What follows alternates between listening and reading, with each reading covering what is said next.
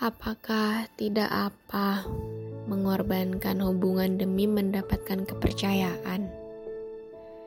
Banyak pertanyaan yang jawabannya belum ada. Jawaban itu ada kalau ingin. Jawaban itu ada kalau dicari, bukan kepalsuan.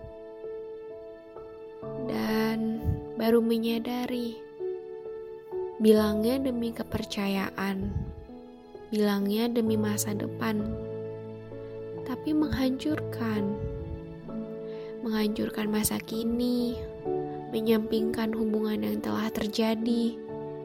Demi ego dan kepentingan pribadi. Tapi, bagaimana kalau berbohong?